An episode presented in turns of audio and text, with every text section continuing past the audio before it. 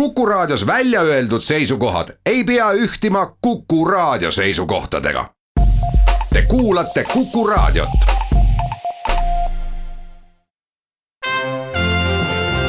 Tallinna Filharmoonia esitleb Filharmooniline huvitaja. tere päevast, head kuulajad algab Filharmoonilise huvitaja saade ja praegu seisan ma küll tõesti Eesti Kontserdi ukse ees Tammsaare pargi veerel. kohe läheme tuppa, aga ma arvan, et see on esimene kord selle saate vältel, kui ma pakun teile pisikese vihje, millest me täna räägime. juttu tuleb väga erilisest nädalast. Lähme sisse. tere päevast, Tallinna Filharmoonia direktor Margit Ohver-Ants. tervist! ja suur rõõm on öelda tere, Kalle Randalu tere! meie tänase kohtumise ajend on Eeriklas. maestro oleks tänavu seitsmendal juunil saanud kaheksakümne aastaseks ja selle tähistamiseks toimub palju väärikaid sündmusi. üks neist on Eriklassi nädal juunikuu alguses, aga ennem kui me nende konkreetsete kontsertideni jõuame, siis Kalle Randalu, te olete Eriklassiga väga palju koostööd teinud. milline mees ta tegelikult oli? mõeldes Eerile, tahaks ma hea meelega rääkida minu kõige esimese elamuse seoses Eriklassiga. ma olin niisugune umbes kuueaastane poiss ja vaatasime naabrite pool televiisorit. Meil kodus ei olnud sel ajal televiisorit ja käisime naabritel külas ja seal niisugust neli toredat noormeest laulsid. ja see käis nii umbes ja, ja, ja kõll ja sädemeid ja nii, nii edasi. Ja sellest see on mulle eluks ajaks meelde jäänud. ja hiljem kontserdisaalis mõtlesin, et issand, et kas see on seesama mees, et äh, ja sellisena ongi Eri mulle ka meelde jäänud niimoodi, ta, ta on uskumatult laiahaardeline, kõigega ta tegeles ja kõiki ta sütitas ja kõike ta oskas ka. Ja äh, hiljem koostööd nii, nii väga palju meil ei olnudki, sest Eri käis kuidagi teisi teid ja Eri oli juhatas mööda tervet maailma, Eri oli vanem ka ju kui mina ja juhatas siis, kui mina olin alles õpilane, siis oli tema ikka maailmas tuntud, tuntud mees juba, aga oli küll see õnn ka nii mõndagi teha. nii mõnedki Mozarti kontserdid ja Beethoveni klaverikontserdid sarjana me mängisime Tallinna Filharmooniaga ja kõik need koostööd on on kuidagi väga soojadena meelde jäänud, Eri oli üldse, ta oli väga soe ja väga sütitav inimene ja ta töötas ju teatris palju ja teatris teda väga hoiti ja armastati ja ma arvan, vastupidi ka, et Eeri ka väga hoidis ja ja armastas inimesi ja ma arvan, et see ei olnud ka raske tal, sest et see tuli tal kuidagi, kuidagi väga loomulikult ja väga tema loomusest endast. ja Eri oli lisaks sellele, et temaga oli laval väga tore olla, oli ta ka väga tore seltsiline ja, ja väga tore kaaslane ja lõputu naljameister ja, ja anekdootide paunik ja geniaalne kõnemees. Tohutu polüglott oli ta ka, mäletan Soomes me tegime orkestriproovi ja töökeel oli soome keel, Eri oskas perfektselt soome keelt. ja siis tuldi teda intervjueerima ja ühe lause pealt keeras ta rootsi keele peale ja rääkis rootsi keeli edasi. Ja ma tean, et neid keeli oli arvukalt teisigi aga ennekõike jah, see laval olemine oli täpselt niisama tore, et see kõik läheb nagu ühte harmooniasse või ühte mosaiiki väga ilusti kokku tema puhul. on teil mõni eriline seik või väike lugu, mis iseloomustab teda, kas mõni nali või mõni juhtumine, mis teil oli, mis on kuidagi, kui te mõtlete tema peale, siis tuleb meelde?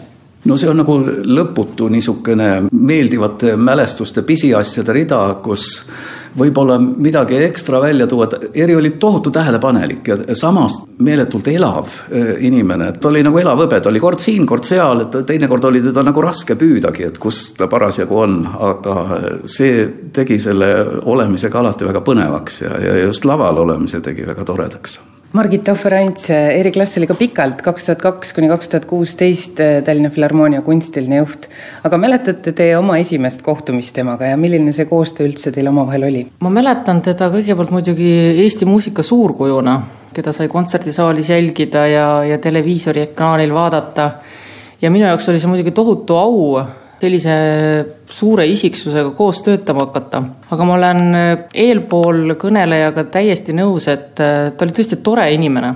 ja ma mõtlen, et see erakordsus tegelikult, et neid selliseid stressirohkeid olukordi kuidagi lihtsalt lahendada ja kuidagi positiivselt ja loomulikult mina olin algaja direktor ja siis ma mäletan, neid situatsioone, kus ta oli tõesti väga tähelepanelik ja, ja kui me valmistasime mingit suuremat ja tähtsamat üritust, siis ta tuli alati väga sõbralikult ja ütles, et niimoodi müksas mind ja ütles, et ära närvitse. selles mõttes oli ta hästi tore ja kindlasti see tema suur võime lugusid rääkida on mul meelde jäänud. ma arvan, et ta oli üks suur lugude rääkija ja legendide looja ja ta oskas seda alati väga värvikalt teha ja need erinevad lood on meelde jäänud ja ta ei olnud väga selline tsitaadimees. ma mäletan, et kui mul oli vaja kuskile näiteks hooajabukletti, palusin temalt mõne tsitaadi, mis iseloomustaks seda tulevast hooaega, siis ta alati niimoodi lõi käega ja ütles, et et ei ole vaja rääkida, et muusika kõneleb ise. ja siis ma mäletan, et ma üritasin tema raamatutest otsida selliseid tsitaate, aga ka sealt ma leidsin terve suure hulga väga lõbusaid ja väga nakatavaid lugusid, aga mitte ühtegi sellist äh, välja peetud tsitaati, mida ma saaksin kasutada. nii et kindlasti ta oli erakordne isiksus ja siiamaani ma tajun seda, et kolm aastat on mööda läinud, aga tema nimi ikkagi veel avab uksi, tema nimi ikkagi paneb artiste tahtma väga tulla esinema mingitel sündmustel, mis on temaga seotud. et selles mõttes tema mälestus on ikkagi muusikute jaoks ja artistide jaoks veel siiamaani väga ere kindlasti on väga keeruline tema panust lühidalt kokku võtta. aga kui püüda, siis mis oli see üdi, mis on see, see kõige tähtsam eriklassi osa meie muusikaloos? no see on seesama, millest just praegu juttu oligi, et ta oli nii inimesi ühendav ja soe ja samas väga elav isiksus ja seda ühenduses kõrge professionaalsusega. see oli see, mis tekitab, ma arvan, kõigis muusikutes sooja tunde tema peale mõeldes. ja kui me räägime nüüd Tallinna Filharmooniast, siis äh, muidugi meie organisatsioon, selle tegevus sai hoopis teised mõõtmed ju, kui ta kahe tuhande teisel aastal selle organisatsiooni kunstiliseks juhiks sai. seesama žanrite ülesus ta laulis seal kvartetis poplugusid, ta dirigeeris ooperit, sümfooniat, džässi, kõiki muusikalisi žanreid ja kollektiive ühendades ja samal ajal tegelikult ka ühendades äh, üleüldse ühiskonnas inimesi ja olles väga suur arvamusliider. selleks ajaks, kui ta Tallinna Filharmooniasse saabus, oli ta juba ju kõikidel mandritel dirigeerinud üle saja orkestri, sealhulgas Berliini filharmoonikuid BBC sümfooniaorkestrit ja kõiki juhtivaid Ameerika orkestreid. sellisele väikesele Tallinna linnaorganisatsioonile oli see muidugi suur au ja see tegevus tegelikult muutus oluliselt mitmekesisemaks. mis te arvate, kas tema mälestust ja tema isikut on väärikalt meeles peetud? ma arvan, et meie oleme need tegijad me oleme selle ülesandega, et hoida selliseid asju elavana ja hoida selliseid asju elus ja, ja hoida ka traditsioone elus. nüüd tõesti juuni alguses ongi siis tulemas eriklassi nädal. kust see mõte üldse tuli, kellelt see tuli? see tuli nagu ühiselt kõikidelt muusikaorganisatsioonidelt, mis jällegi näitab tegelikult ERi võimet ühendada Tallinna Filharmoonia, Rahvusooper Estonia, Eesti Riiklik Sümfooniaorkester ja Eesti Kontsert teevad midagi ühiselt. Ja see tuleb kuidagi nii loomulikult. Ja need äh, kohtumised, kui me oleme planeerinud ja neid nii-öelda neid kuupäevi jaganud, on ka kõik käinud kuidagi nii loogiliselt ja nii probleemitult, et äh, ERis on tõesti meeletu selline ühendav jõud. ja viiendal juunil siis Tallinna Filharmoonia alustabki seda väikest äh, minifestivali, kus siis toimub kontsert klassika koos klassiga mis siis meenutab meile seda suurepärast sarja, mida ERI dirigeeris ja seal toimus kuusteist kontserti ja mida ka Eesti Televisioon üle kandis. Kalle Randalu, milline on teie osa selles nädalas? no kui Tallinna Filharmoonia pöördus minu poole küsimusega, et viies juuni, siis algul tundus, et ei ole võimalik, aga siis, kui mul nagu taust lahti räägiti, et tegemist on ERI klassile pühendatud üritusega ja siis ma korraldasin omaenda tegemised niimoodi, et, et ma saan ka sellel osaleda ja mul on väga hea meel, et see korda läheb. ja selle viienda juuni õhtul, kas siis oli teil ka sõna öelda, mida esitatakse? aga loomulikult, Eeriga sai mitmeid Mozarti kontserte mängitud ja mõtlesime praegugi, et mis siis muud, kui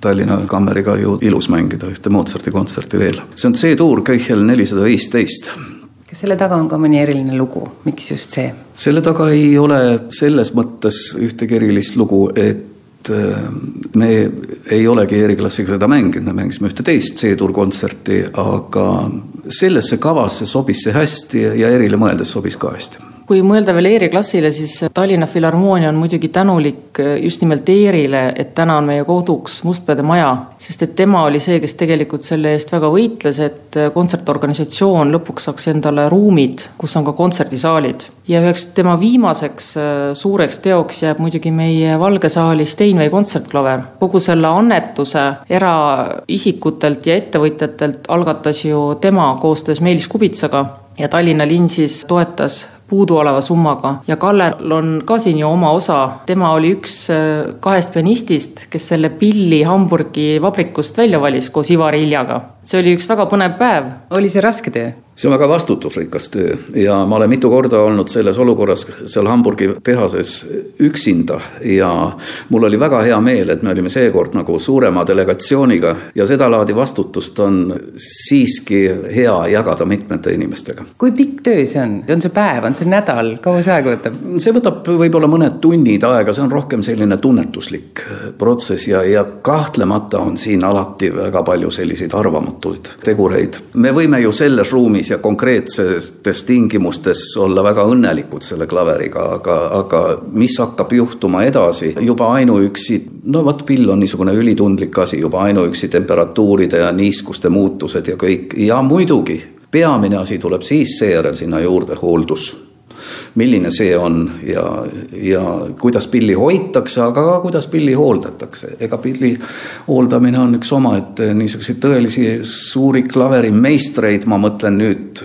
meistreid, hooldajaid ja häälestajaid ei ole maailmas väga palju see on nii samamoodi tähtis, aga teisest küljest on tähtis ka, et me sel hetkel seal Hamburgis olime õnnelikud ja tundub, et oleme tänapäevani. no kui Pill Hamburgist Tallinnasse jõudis, kas siis oli ikka sama hea Pill veel, tundus sama hea kõla ja kõik? on siiamaani väga hea ja ma arvan, et, et hetkel on see Tallinnas parim klaver. ilmselt ka Eestis. mina olen ka kuulnud, et pianistid kiidavad ja ütlevad, et see on Eesti parim Steinway ja ma arvan, et see on tõesti väga sümboolne, et eriklassi mälestuskontserdil Steinway klaveril esineb Kalle Randalu. ja et see klaver siia sai, siis kokkuvõtlikult võib-olla veel kõik need eriomadused, tunda muusikat, tunda muusikuid, tunda inimesi ja osata neid suhteid luua ja neid suhteid hoida, nii et Eri oli väga mitmekülgne, suur meister. nii et viiendal juunil tuleb rõõmus õhtu, Kalle Randalu siis Tallinna Kammerorkester ja dirigent. Jaako Kuusisto Soomest, ka Eeriga koostööd teinud. väga eriline õhtu siis viiendal juunil Mustpeade majas,